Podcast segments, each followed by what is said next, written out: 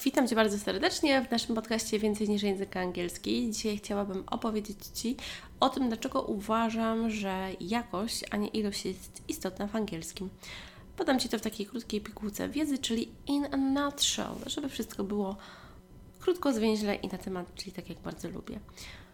Jeżeli ten odcinek Ci się spodoba lub e, masz ochotę posłuchać innych, to zerknij na ewaostery.pl łamane przez podcast lub poleć ten podcast jednej osobie, której myślisz, że się spodoba, a my zaczynamy, jeśli chodzi o to, dlaczego jest moim zdaniem istotna jakość, a nie ilość.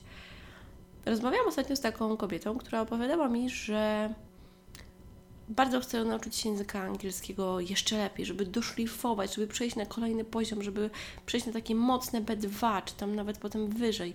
No i że ona właśnie ćwiczy, rozwiązuje zadania, tutaj ogląda jakieś filmy na YouTubie, nie, na Netflixie, tutaj ogląda jakieś materiały z YouTube'a, e, tutaj na Instagramie jakieś relacje, czy jakieś rolki że jest otoczona tymi treściami, że codziennie słucha tego języka angielskiego, że radio, że się nim otacza i ma takie przekonanie, że tyle rzeczy robi, ale że nie ma efektów z tego, co robi, takich, jakich się spodziewała. I wtedy tak pomyślałam o tym, że wow, tyle ta dziewczyna robi rzeczy, ale jaka jest jakość tego robienia? I tu właśnie nasuwa się takie pytanie, że ważna jest jakość tego, co się robi, a nie ilość.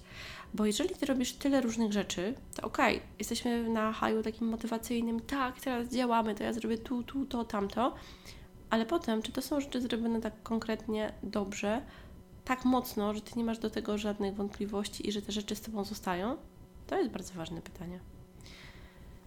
Co ja tutaj proponuję? Te takie kwestie zawsze staram się dobierać bardzo indywidualnie. Tutaj polecę Ci tylko kilka takich ogólnych rzeczy, żebyś stworzyła sobie jedno miejsce w internecie, jeśli lubisz w chmurze, lub jedno miejsce na papierze, jakiś notatnik, gdzie będziesz zapisywać wszystkie ze swoje rzeczy, których się uczysz. Czyli możesz sobie to podzielić na przykład na słówka, na frazy, na inspiracje, na materiały, na jakieś um, takie Twoje przemyślenia, na zapiski. Jeżeli zrobisz sobie takie kategorie, to naprawdę będzie Ci łatwiej. I teraz od razu przykład. Ja mówię o tym, że jakość jest ważna tych treści, a nie ilość tych treści, czyli przysłowiowo. Czytasz sobie jakiś ciekawy artykuł, to ok, to czytasz sobie jakiś określony fragment, potem sprawdzasz słówka czy frazy, które tam są. I nie wypisujesz sobie wszystkich, wszystkich, wszystkich, które tam są, zupełnie nowych, tylko myślisz, ok, dobra, w moim kontekście teraz. Jakie są słówka, które już znam, które sobie przypominam i zapisujesz osobno? A jakie są takie, które są nowe i które mi się mogą przydać? I zapisujesz sobie. Od razu myślisz nad kontekstem, ok, jak ja mogę użyć tego słowa czy tamtego w kontekście, jak ja mogę starać się skorelować jedno z drugim, może y, mogę to ułożyć jakieś, w jakimś zdaniu, może mogę sobie jakiś dialog y, odegrać, mówiąc na głos, a nie w głowie. Może mogę sobie coś zapisać, może mogę sobie zrobić jakąś mnemotechnikę, żeby sobie skojarzyć jakieś słowo, na przykład y, spoon, moon, fork, pork. Ja wiem, że to proste rzeczy, ale to tylko pokazuje to, co tutaj można zrobić. Czyli na zasadzie takich skojarzeń. I potem wychodzi z tego, że jest jakiś tekst i ty masz na przykład dwa kluczowe słowa nowe i trzy, które były poprzednie. I to jest ok. Nie musisz mieć listy słówek. Trochę taka lista słówek to się kojarzy z taką szkołą, że ojejku, lista dużych słówek, no i potem te słówka się ciągną i się je powtarza. Podejdź do tego, że Ciebie interesuje jakość, a nie ilość. Jak będziesz miała mniej tych rzeczy, to łatwiej Ci będzie do tego wracać, niż jak będziesz miała całą stronę jakichś dużych notatek. Oczywiście, ja nie mówię, że to jest idealne dla każdego, ale jednak jest to ważne, żeby naszej pamięci ram w głowie nie zawalać za dużą ilością nowych rzeczy, a także, jeżeli potem sobie otwierasz taki zeszyt i chcesz dopisać coś nowego, to zawsze zacznij od krótkiej powtórki tego, co było.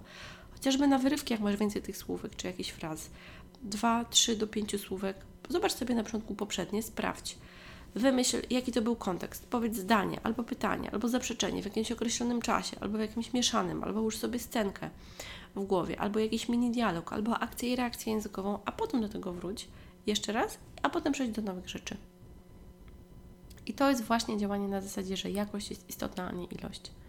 Jeżeli już wchodzisz na Instagram, to ok, to czasowo wycisz sobie relacje, jakieś tam osób, wybierz sobie dwie na przykład osoby, od których chcesz się uczyć i mów sobie, że ok, jeden dzień będę tylko z jedną osobą spędzać, drugi dzień z drugą i jak ona tam doda jakiś post czy jakąś relację, to obserwujesz to, co tam jest i działasz tylko z tym. I tak samo selekcja. Jeżeli Ja ostatnio tego e, słowa e, dosyć często używam, więc może dla mnie to nie będzie na najlepszy przykład, ale słówko ul. Jak często używasz słówka ul w angielskim? No chyba, że lubisz miód, masz coś wspólnego z pszczelarstwem, no to wtedy jest to istotne, ale tak, to to nie jest słówko pierwszej potrzeby. Bardziej przy takich słówkach czy frazach to skup się na czasownikach, na przymiotnikach i na przysłówkach. Uważam, że kluczowe są czasowniki i przymiotniki na samym początku.